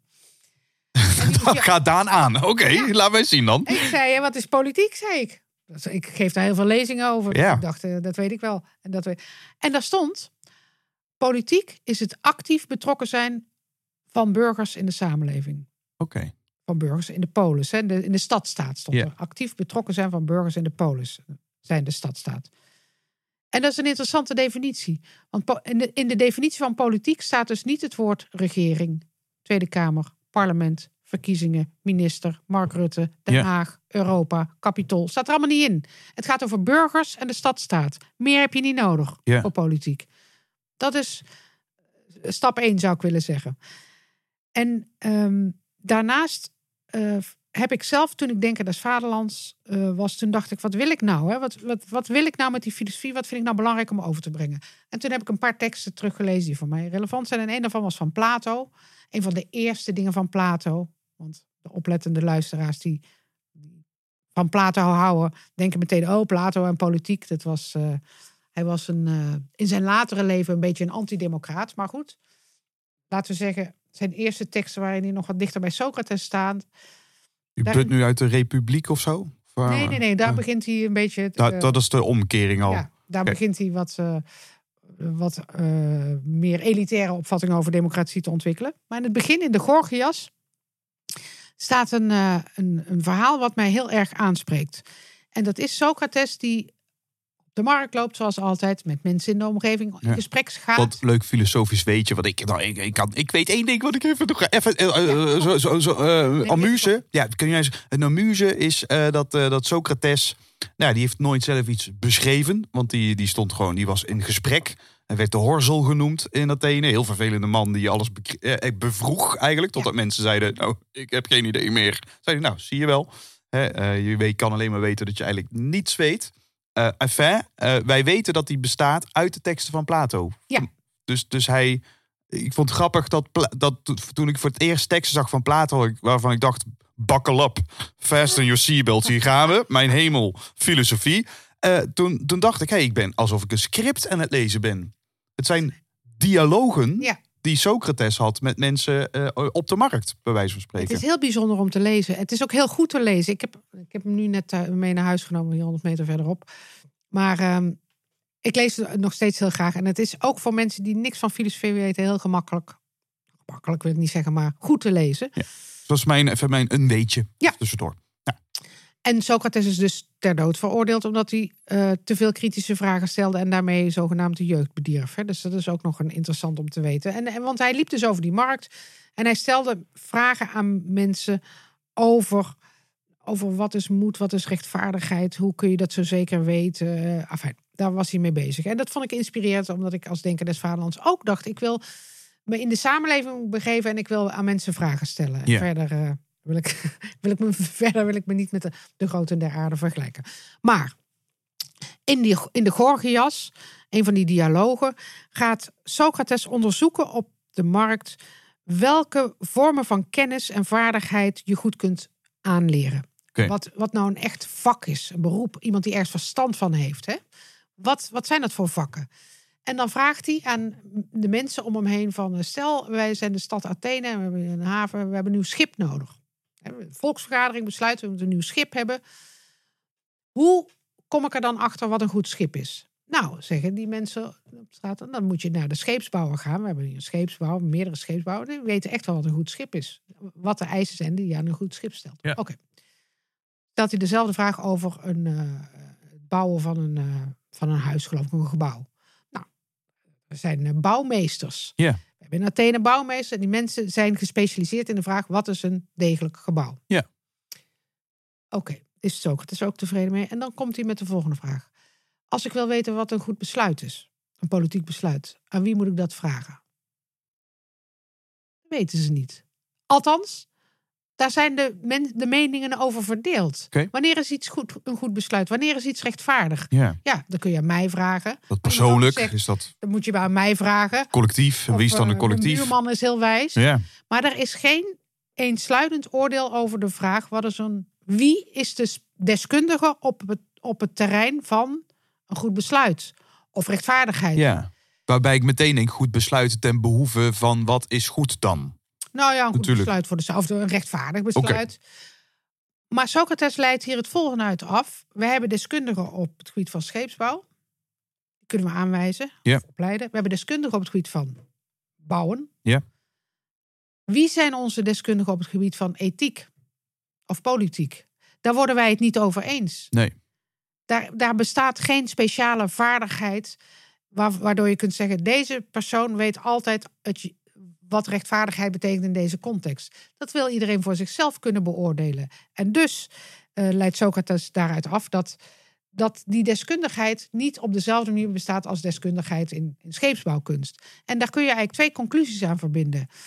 Een, eh, een minder prettige en een prettige. En de minder prettige is de volgende. Minder prettige betekent dat je dus niet, als het gaat om de inrichting van de samenleving, kunt denken: ah, we hebben mensen die weten er alles van. Die zijn daar deskundig in. Die hebben daar al twintig jaar voor geleerd. We noemen ze politici en we laten alles aan hun over. Nee, zegt Socrates, die deskundigheid bestaat niet als zodanig. Mhm. Dat is het slechte nieuws. Hè? Je kunt het niet uitbesteden aan experts. Maar het is tegelijkertijd wel de aanname die we nu dan hebben gecreëerd, toch? Ik, ik stem een keer en dan luister ik en dan dat wa- wa- waarvan ik het meeste voor voel. Dat, dat, dat, En laat ze maar het werk doen en dan Ja. kom ik weer daar, terug. daar houdt mijn invloed eh, op. Ja, zou je maar in zekere Socrates zin kunnen zegt zeggen. Dus eigenlijk, dat is een oneigenlijke aanname. En het goede nieuws daarvan is dat die deskundigheid aan ons allen in gelijke mate toekomt. En dat het dus aan ons is. Ja. Dat, dat, dat, die, dat we die beslissingsbevoegdheid niet moeten uitbesteden. eh, en denken, dan komt het wel goed, want deze mensen hebben overal verstand van. Ja. En ja, nogmaals, ik zei al, die Atheense stadstaat was natuurlijk veel kleiner. Er ging dan over 30.000 mensen, die kwamen dan in vergaderingen van hooguit 5.000 man bij elkaar. Dat is nog veel trouwens. Maar wij hebben natuurlijk de democratie inmiddels zo enorm opgeschaald. ja, Wij zijn in Nederland met 17 miljoen mensen, dat is nog vrij weinig. Maar in Europa al met 500 miljoen. Kun je nagaan. ja. en En als je- hoe kan dat goed gaan? Maar zou dan, als, je, als we dan kijken naar eh, denker na Plato, Aristoteles, die daar ook veel over beschreven had, die volgens mij zei van ja, democratie, dat, is, dat, moet, dat moet overzien kunnen worden. Ja. De, de ene, eh, je moet als het ware de stadsmuur of zo, wat was Je het? moet de, De, de waarschuwer. Het grondgebied mag niet groter zijn dan dat waarvan je de, vanaf alle plekken binnen de stadsmuur de stadsomroeper kan horen. Ja. Nou, dank u wel, Aristoteles. En nu hebben Een paar we kilometer. nu- maar ja, nu hebben we wat. Europa en, en WhatsApp. En, Ja. Maar, maar hoe, hoe, hoe zou zich dat dan... Is, is dan democratie, dat vraag ik me af en toe echt wel oprecht af. Is democratie eh, in, in deze polarisatie eh, nog steeds een goed eh, helpend systeem? Nou ja, daarvan kun je natuurlijk ook zeggen dat er geen beter systeem is. Maar we hebben democratie heel ingewikkeld. Of tenminste, er zijn, er zijn krachten ehm, die werkzaam zijn op de democratie, die het heel moeilijk maken. Eh, en die hebben ook heel erg te maken met schaalgrootte. Iemand anders, bijvoorbeeld Rousseau, zei ook: ehm, als, als je een democratie te groot maakt, als de verschillen te groot worden binnen een democratie, eh, geografisch, maar vooral ook cultureel, dan wordt het heel erg moeilijk om dat nog goed te eh, besturen. En ik denk dat we daar nu inderdaad de, eh, heel duidelijk zien hoe dat werkt. Dan kun je het wel. Kijk, je kunt die schaalgrootte wel managen. Mhm. Je kunt wel stemformulieren groter maken en een ingewikkeld Excel-bestand maken hoe je die stemmen telt. En je kunt eh, we- wel eh, bureaucratische systemen maken waardoor je het organiseert. Maar de verhouding tussen de burger en dat wat er besloten wordt, wordt natuurlijk steeds abstracter. En die vervreemding die, die is inherent aan de schaalgrootte van zo'n bestuurlijke gemeenschap. Ja. Ik denk dus eigenlijk ook dat wat je nu al meer ziet, dat die lokale democratieën, dus de, de gemeenteraden, dat, ik hoop maar dat daar een soort, ja, laten we zeggen, revitalisering plaatsvindt. Omdat die, die, die schaal veel geschikter is voor het nemen van besluiten. ja. Dat is gewoon op gemeentelijk niveau we dat wel, wel degelijk op een bepaalde manier kunnen overzien. Nou ja, dan kun je elkaar kennen. Dan hoeven de verschillen niet al te groot te zijn. Dan kunnen mensen zich iets beter herkennen. En dan Ja. is, is iedereen bereikbaar op een bepaalde manier. En vanuit die gedachte zou ik haast kunnen denken, als bijvoorbeeld kijk naar de zorg, waarin de AWBZ is overgeheveld naar de WMO. eh, en, en, en dus eigenlijk zorgelijk, eh, zorg veel meer eh, gemeentelijk wordt Ja. besloten. Tegelijkertijd, ik, ik, ik huil altijd een beetje van binnen als ik mensen spreek uit de jeugdzorg bijvoorbeeld, of de ouderenzorg, waarin ja, die eigenlijk enorme problemen hebben eh, sinds die overgang. Ja. Eh, waarbij je weer eigenlijk hoopt van, joh, alsjeblieft ga dingen gewoon landelijk goed regelen. eh, dan, dat, dan dat één organisatie met 30 verschillende gemeentes te, te maken Ja, maar hier zie je natuurlijk iets heel pijnlijks. Eh, Ook bij participatie, hè, dat was ook heel goed bedoeld. Hè? Dus eh, eh, eh, de, de, de ontmanteling van de sociale werkplaatsen en mensen met een arbeidsbeperking in, op gewone werkvloeren laten komen. Maar als je. En, en, en, en de decentralisering van de zorg ook. Dus een goed ideaal achter. Maar als je. ehm, of tenminste, je kunt dat goed ideologisch onderbouwen. Vanuit deze gedachte is dat een heel helpende gedachte. En, ja. en, en, en dus ook die, die ontmanteling van die sociale werkplaats. Maar als je zo'n maatregel neemt als bezuiniging, of tegelijkertijd met een bezuiniging, Nou ja. dan, dan zaai je natuurlijk gewoon. Je Dan blijft het de bezuiniging Ja, eigenlijk. het- ja, precies. ja. En dan komt er helemaal niks van terecht. Hey, en volgens mij was het, het Socrates-lijntje één lijntje. Waarvan je zei, volgens mij, ik ga het op twee manieren proberen te duiden. nee, Klopt dat? waren dus- nou, nee, het ene was twee? de definitie over de polis en de andere was het, het verhaaltje van Plato. Ah, ja. Het gaat eigenlijk allebei terug op dezelfde tijd. Precies. En, het, en, en hij zegt dus, het is niet, dat we stemmen een keer en dan, dan, we kunnen het niet uitbesteden. Nee. Eh, en en wat, wat dan wel? Dus als we dat dan omdraaien, wat, hoe, hoe, hoe- Ja. We moeten dus onszelf zien als politieke wezens. ja. Allemaal, hè? iedereen zou zichzelf als een politiek wezen moeten zien. Dat is zegt Aristoteles ook. We zijn politieke dieren. Dat betekent dat we, dat we ons eh, dat we eh, aanspreekbaar zijn op de inrichting van de samenleving. Dat betekent niet dat iedereen moet ambiëren om Tweede Kamerlid of minister te worden. Mhm. Maar dat betekent wel dat je leeft in een gemeenschap, in een stad of in een buurt. En dat je daarin ook een zekere aanspreekbaarheid hebt over hoe het daar gaat. Dat je daar niet met je rug naartoe moet keren. Hmm. En dat je dus ook moet proberen om, om, eh, dat, om je te herkennen in die wetgeving. Dat is natuurlijk niet zo makkelijk, want er worden heel veel dingen besloten waar je het misschien niet mee eens bent. Maar het is denk ik de opdracht aan ieder mens om te, of dat is wat politieke wil is, denk ik, om te proberen om je eigen opvatting in overeenstemming te krijgen met het bestuur van, van jouw deel, Ja. gemeente. En als, als er veel dingen gebeuren waar je het niet mee eens bent, dan moet je je daar tegenaan gaan bemoeien. Hè? Het zij door eens een brief te sturen, of door eens mee te gaan vergaderen, of door mensen te organiseren, of door een demonstratie te. Hè? Dus door te laten weten dat je vindt dat het anders moet. Ja. En ehm, dat is denk ik wat ons allen te doen staat. En wat daar eh, mooi aan is en goed aan is, denk ik, is dat dat het tegendeel is van cynisme. Hè, dus het tegendeel van te denken, ach, die lui daar, die lullen maar wat en ik trek me daar niks van aan. Hmm. Want dat is, vind ik, dat vind ik misschien wel erger als polarisatie. Weet je dat? Polarisatie is, natuurlijk, is wel een probleem. Maar dat gaat toch om allemaal om betrokken mensen, hoop ik idealiter, die iets willen met de, met de wereld. ja. Dus je zou kunnen zeggen, zolang er emotie zit, is er in ieder geval bepaalde betrokkenheid. Dus Zeker. dat is toch beter dan gelatenheid. Zeker. Joh, eh, zal mijn tuin wel boeien. Nou ja, de ene gelatenheid is de andere niet. Of wat, is, wat is cynisme voor jou? Cynisme is morele luiheid. Cynisme, ja, dat heb ik van Susan Neiman overigens. Ehm, een, eh, Duitse filosoof. Ik wil niet te veel namen noemen. Maar Nee, je mag- mag wel. Nee, ja, zeker. Je mag wel bronver- bronvermelding doen. Ja, bronvermelding, zo is het. Cynisme is met je rug naar de wereld gaan staan en denken: ik hoef er niet eens over na te denken. Het gaat mij niet aan. Het gaat buiten mij om. Ja. En dat vind ik zorgelijk. Ik vond eigenlijk, bijvoorbeeld laatst waren er gemeenteraadsverkiezingen, was de opkomst heel laag. Hè? Ja. Over gelatenheid gesproken. Ehm, daar, zijn, er zijn verschillende vormen van gelatenheid. Je kunt denken, ik doe er niet toe. Er luistert niemand naar mij. Er is niemand in mij geïnteresseerd. Dat vind ik een verkeerde vorm van gelatenheid. Het kan ook zijn dat er mensen zijn die denken... nou, ik vind het wel prima zo. Ik, eh, ik had geen tijd. Het regende. Ik wou niet dat mijn haar nat werd. Ja, ja, gewoon heel... eh, ja. Ja, vind ik Bazaal. niet, vind ik niet zo mooi. Ja. Maar dat is een ander probleem, snap je? ja, ja. Mensen die het goed hebben en denken het is niet zo nodig. Of mensen die zich niet gerepresenteerd weten en denken, Ja, ik doe er niet toe. Het, precies. Of ik er niet toe doe. Of ik denk gewoon, ik, het is gewoon geen prioriteit. Ja, Voor mij zijn het twee verschillende dingen. Ja. en ik weet niet hoe die verhouding was bij de laatste verkiezing. Ik denk dat dat er nog onderzocht wordt. Dus, maar dat vind ik wel. Het, het eerste vind ik een veel groter probleem dan het twe- tweede. De tweede onverschilligheid is ook niet, vind ik ook niet zo mooi. Maar je zou kunnen denken: een, een eh, vitale democratie moet een groep mensen kunnen permitteren. Die, hè, of moet, moet dat kunnen hebben dat niet iedereen de hele dag bezig is met, Ja. met het onderwerp.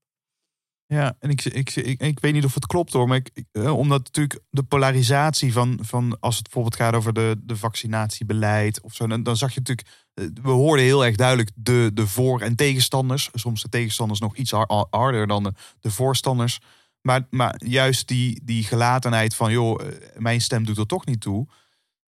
Ik geloof altijd, hè, ik ben dan het van, nou, het midden, het mooie midden, daar zit, zit het overgrote deel. En die, die zijn echt wel bereid die, die willen echt wel meedenken, meevoelen. En denk ik, ik geloof dan toch wel in de goedheid van de mens in basis.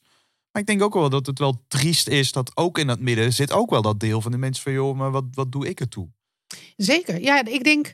ehm, Wat maakt het uit? Het grappige was dat boekje van mij over eh, als Denken des Vaderlands. Daar had ik polarisatie als onderwerp gekozen. Ik dacht, nou ja, ik dacht gewoon, daar ben ik nu mee bezig. Dat vind ik interessant, dus daar wil ik het over hebben. En eh, ik was eigenlijk niet zozeer van mening dat er veel mensen in geïnteresseerd zouden zijn. Maar toen, toen het uitkwam, dat boekje, toen verscheen tegelijkertijd ook een rapport van het Sociaal Cultureel Planbureau. dat polarisatie ineens als grote zorg werd gezien door veel mensen. En mijn, mijn idee daarover is dat, ehm, dat dat ook te maken heeft met hoe media werken. Dat je inderdaad eh, ehm, maar de televisie aan hoeft te, te zetten en je ziet allerlei ehm, sceptici over vaccineren. En tegelijkertijd eh, zie je ook wel mensen die dat heel erg bepleiten. Maar de grootste groep mensen zit, zit daar ergens tussenin. En dat zijn of mensen die zich gewoon laten vaccineren en daar verder niet zo'n punt, eh, niet zo'n probleem mee hebben. Of het zijn mensen die zich niet laten vaccineren, maar ook niet omdat ze daar zo'n sterke opvatting over hebben, maar omdat ze de informatie niet goed begrepen hebben, omdat ze dachten dat het geld kostte of omdat ze dachten. Dus van de, van de mensen die niet gevaccineerd zijn, is maar een kleine minderheid niet gevaccineerd omdat ze zo sterk radicaal tegen vaccineren Hmm. is. Terwijl, dus, maar als je de, de debatten in de media volgt, dan krijg je een heel ander eh, eh, idee van die werkelijkheid. Een vriendin van mij is eh, internist en die had dus de leiding over zo'n verpleegafdeling over corona.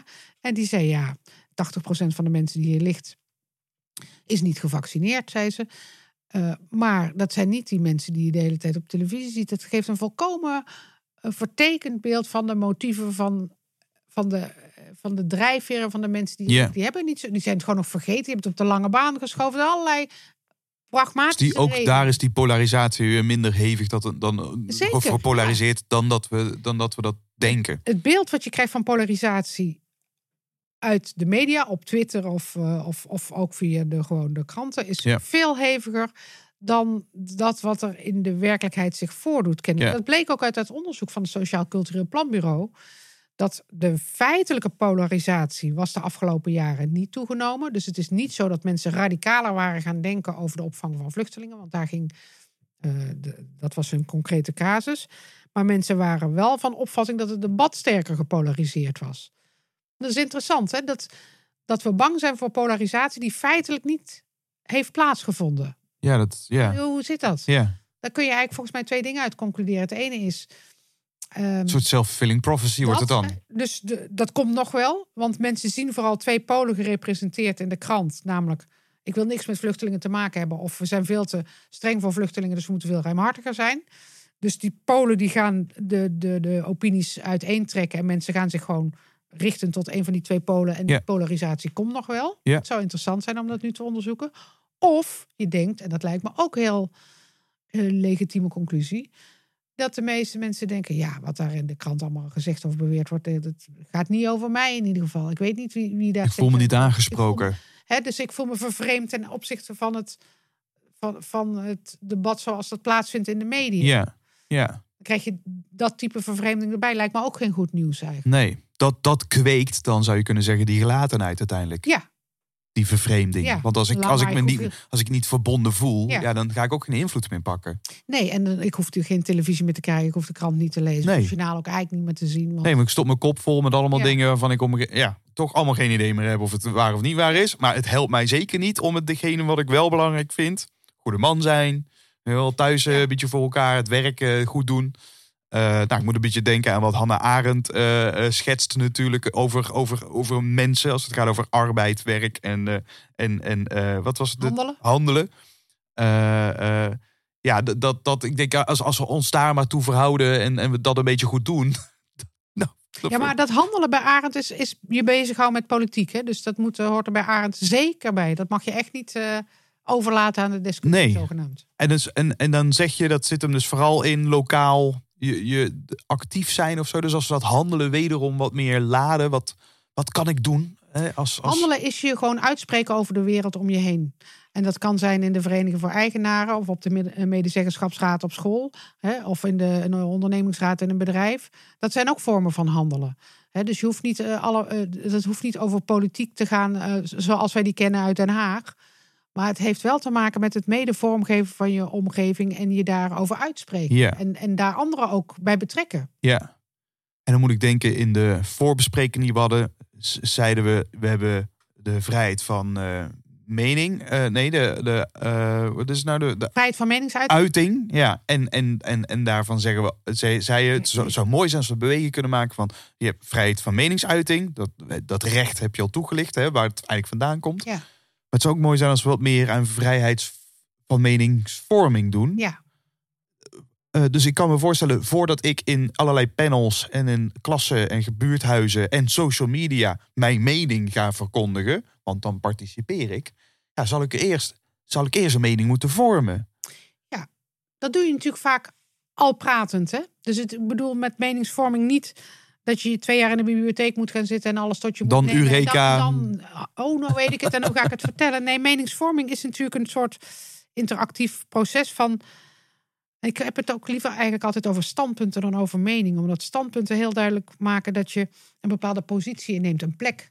Hè? We zitten hier in Amsterdam, ik woon in Amsterdam. Amsterdam is een andere plek dan Brabant waar ik vandaan kom. En dat geeft een ander idee over landbouwbeleid. Hè? Kan ik in Amsterdam heb ik daar alleen al vanwege de plek waar ik woon, heb ik, heb ik daar toch andere, eh, een andere kijk op, een ander perspectief op. Die, en bij meningen, dan denk je vaak aan eh, dat het helemaal ehm, eh, toevallig is, afhankelijk, onafhankelijk van je positie. Maar een standpunt verbindt iets meer je, je plek op aarde met datgene wat je daarover denkt. Mhm.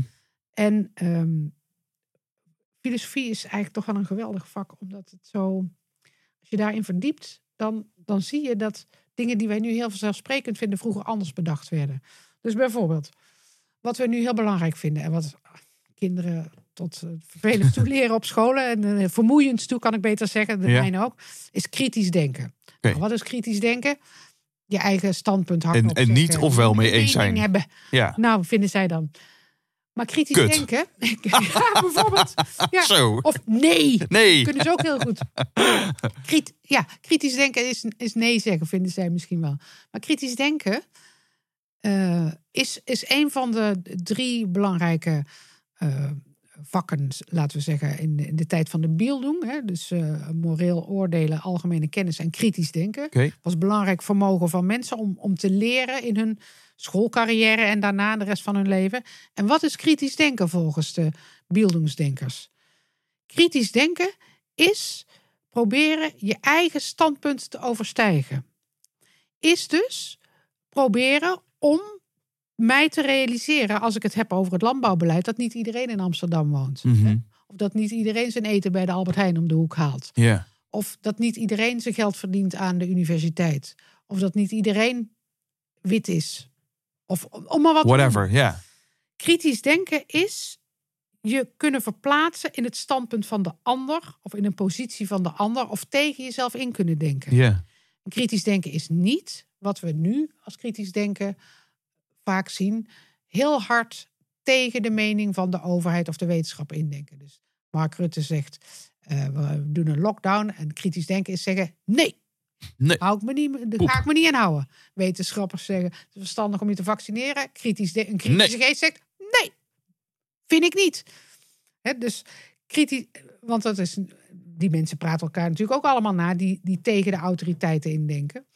Het is niet per se dat je met de autoriteiten mee moet denken, dat wil ik niet zeggen. Maar ik wil zeggen dat kritisch denken, dat in kritisch denken van belang is de grenzen van je eigen standpunt onderzoeken. Ja. En proberen te, dat uit te breiden. Hannah Arendt noemt het het, het uitgebreide denken. Het, het denken uitbreiden met andere perspectieven, met andere posities, met andere mensen om je heen die Ja. een ander leven leiden. En als je het op deze manier uitlegt, is het een, een pleidooi voor empathie. Zeker, ja, ja. Eerder dan kritisch. En kritisch, daar zit, daar zit ergens iets. Ja, Kritisch komt van krinijn, van, van, van het maken van onderscheid. Dus, ehm, en, en, en, en in die zin is het wel belangrijk om, om je eigen positie goed te definiëren. ja. Maar niet om die zo ver mogelijk naar voren te brengen en, en in oppositie met de ander. Maar om te kijken, hoe komt het dat ik vanuit deze positie dat denk? En kan ik me inleven in de positie van de ander en hoe die dan zou denken? En hier zit natuurlijk het balans. Dat zou natuurlijk heel mooi zijn als we, en het reken ik ook mezelf aan, dat ja, eh, ik mag pas een mening hebben als ik allereerst die mening een beetje heb onderzocht. Ja. Ik, ik vind iets, maar waar komt dat vinden dan vandaan? En is dat louter een ervaring, eh, NS1? Of is dat dat ik dat ergens gelezen heb? Of omdat ik vrienden heb die dat heel erg vinden? Of ik, ik weet het niet, maar dat, dat onderzoeken van waar komt dit vandaan? Ja. Ik voel een emo- emotie. Waar, waar, waar, waar, waar is dit? Eh, dus die nieuwsgierigheid hebben ten eerste in mezelf. eh, om vanuit die nieuwsgierigheid ook de ander tegemoet te treden. Precies. Ja, dan, dan, maar dan gaat, het dus, dan gaat het niet zozeer over een standpunt, maar dan gaat het over komma's. En over, Ja, en over ben je bereid om die eigen opvatting te toetsen aan de ander.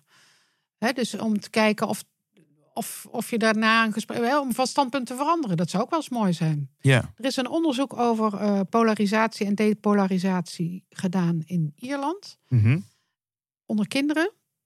Dat is een interessant land als het gaat over polarisatie natuurlijk, omdat ze eh, met katholieken en protestanten Ja. in hun geschiedenis nogal wat eh, problemen te overwinnen hebben. En daar hadden ze, ehm, ik, ik zeg het uit mijn hoofd, dus ik hoop dat ik het goed zeg, maar hebben ze kinderen aangeleerd om maar drie vragen te stellen aan elkaar. En ook één vraag niet. Namelijk eh, als, ze, als ze met elkaar in gesprek gingen. Hè?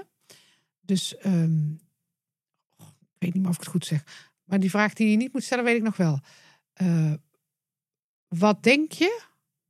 Wat weet je? En wat zou je nog willen weten over dit onderwerp? Zoiets. Wat denk je? Wat weet je- Wat zou je nog willen weten? En wat ze niet gingen vragen aan elkaar was: wat vind je? Ja, Maar die vraag van wat zou je nog willen weten? Dat is natuurlijk, je moet je standpunt bereid zijn een beetje te onderzoeken natuurlijk. Ja. En ook niet inderdaad als een punt te zien, maar als een komma of als een voorlopige. Hier sta ik nu. ja, En misschien sta ik over een tijdje wel ergens anders. Dat is natuurlijk wat je hoopt en wilt van zo'n gesprek. Nou, ik denk dat dit een mooie, gewoon hele kleine oproep is. Van in plaats van wat vind je, eh, wat denk je hierover? Eh, en wat zou je nog, eh, en, en, wat, en wat zou je nog willen Ja, eh, weten? Of wat weet je hierover? En wat zou je nog willen weten? Of hoe zie jij dat? ja, Eh, in plaats van wat vind je? Eh, dus dat zien, dat gaat altijd al. En waar komt dat zien dan vandaan? Nou, dat gaat over opvoeding of over achtergrond. Of, Ja. of in Amsterdam of in Brabant komt. Eh, maar dat zijn mooie, dat levert mooie gesprekken op. Wat verder gaat dan de ja, nee, rood, blauw, eh, wit, zwart. precies. Eh, ja.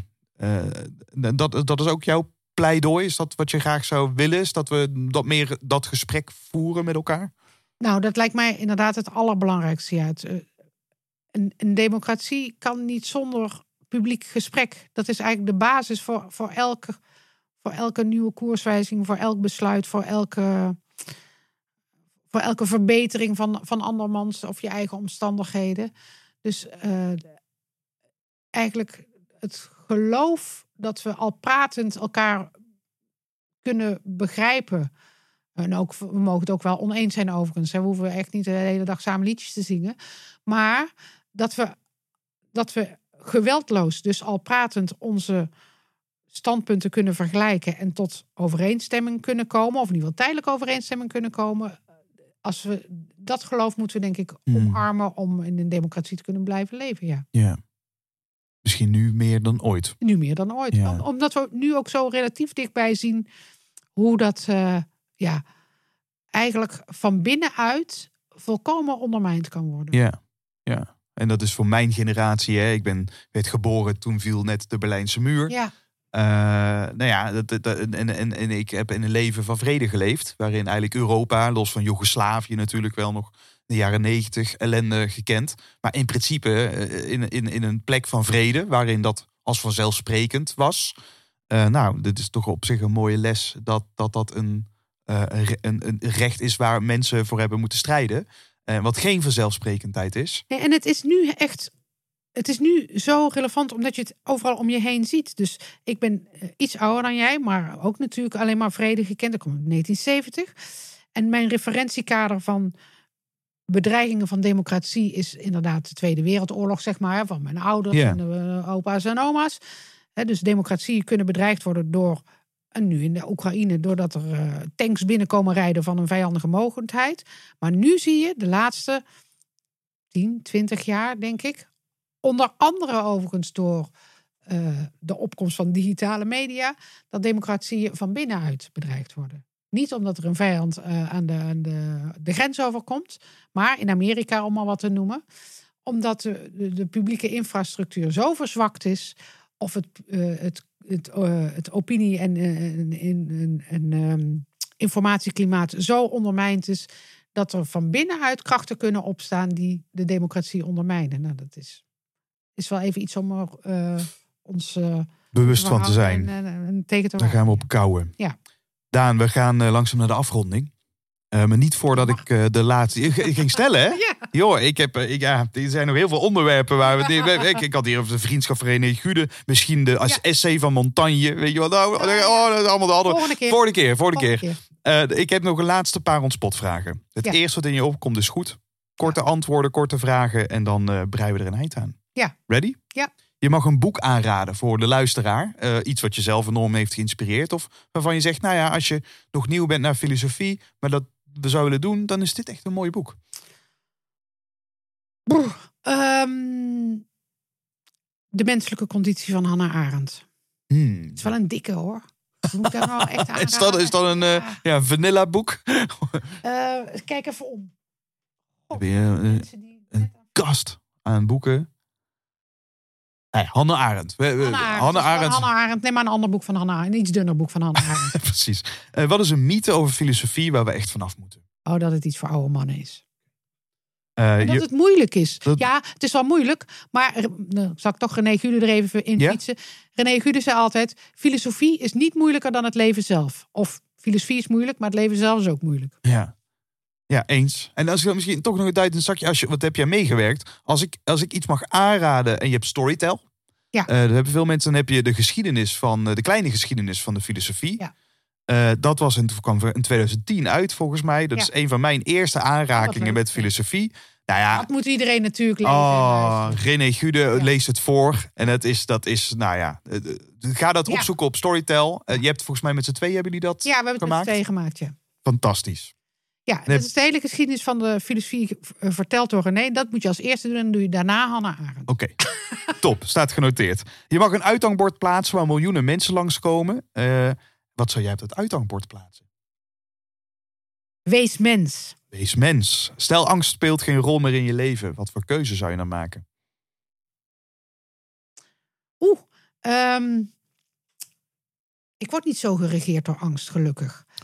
Ehm, wat voor keuze zou ik dan maken? Ik denk eh, mijn proefschrift afschrijven. Hmm.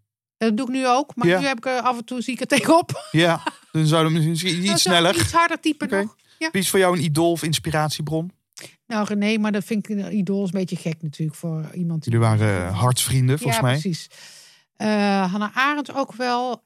Die saaie Habermas die ik net noemde is ook heel belangrijk eigenlijk. Ik vind ook, god, het misverstand dat filosofie saai is, daar moeten we ook van af. Ik kom steeds terug op de vorige vraag, Ja. dat zie je wel. Ja, nee, dat Dat- een mooi, mooi, mooi cirkeltje zo. eh. je mag een muzieknummer in de over sprekers gesproken jukebox stoppen. Ik vraag sprekers vaak wat bijvoorbeeld een anthem is wat ze luisteren voor of na het spreken. Blijkt dat mensen zo'n anthem hebben. Maar het mag gewoon een muzieknummer zijn wat je dicht bij het hart staat. Ik denk nu eh, Absolute Beginners van David Bowie. Hey, David Bowie, Ja. mooi. Die stoppen we in de jukebox. De laatste vraag is de college tour vraag. Wat zou je een beginnend, nou, iemand die met, met politiek aan de slag zou willen gaan, als, als, als zijnde vanuit burgerschap. Eh, wat, zou, wat zou jouw advies zijn? Wat is een mooie eerste stap? Eh, ik denk om ehm, lokaal politiek actief te worden. En dat hoeft zelfs ook niet bij een gemeenteraad, want die zijn ook inmiddels heel groot. Hè? Maar gewoon in een, eh, een klein buurtcomité. Wij zijn hier bijvoorbeeld in de buurt bezig met een lokale energiecoöperatie. Dat vind ik geweldige initiatieven. Geef je eigen wereldvorm. Probeer, probeer de wereld naar je hand te zetten. En eh, niet meteen via Europa, maar gewoon in je eigen omgeving. Jouw huisje, jouw straatje, jouw Ja. wijkje, jouw buurtje. Zeker. Ja, laat je horen. Ja, bemoei je ergens. Bemoei je ergens mee. Daan, dankjewel. Graag gedaan. De Over Spreken gesproken podcast presenteert een filosofisch kwartet over de kunst van het goede leven. Via de retoriek naar de ethiek en weer terug. Hallo lieve luisteraar, je bent aan het einde gekomen van deze aflevering en ik wil jou heel erg bedanken voor het luisteren. Ook de gast van deze aflevering wil ik van harte bedanken voor alle waardevolle inzichten. En vond jij het nu ook een waardevolle aflevering? Laat me dat dan weten. Maak even een connectie aan via LinkedIn. En als je dat wilt, waardeer ik het enorm als je een review wilt achterlaten op je favoriete podcast-app. Dat helpt namelijk om de zichtbaarheid te vergroten, zodat we samen korte metten maken met plankenkoorts en leren spreken met meer impact. Wil je meer informatie over de podcast? Check dan mijn website www.glenvergozen.nl. En wil je zelf ook praten met resultaten? Dat kan. Ga dan naar www.desprekersregisseur.nl en meld je aan voor de gratis Online Sprekers Academy. Dit is een gratis online training met de negen beste lessen van twee jaar over spreken gesproken podcast. De missie van de Over Spreken Gesproken podcast is om jou te helpen je stem te vinden, zodat jij anderen kunt inspireren datzelfde te doen. Ik wil je heel erg bedanken voor het luisteren en graag tot de volgende aflevering.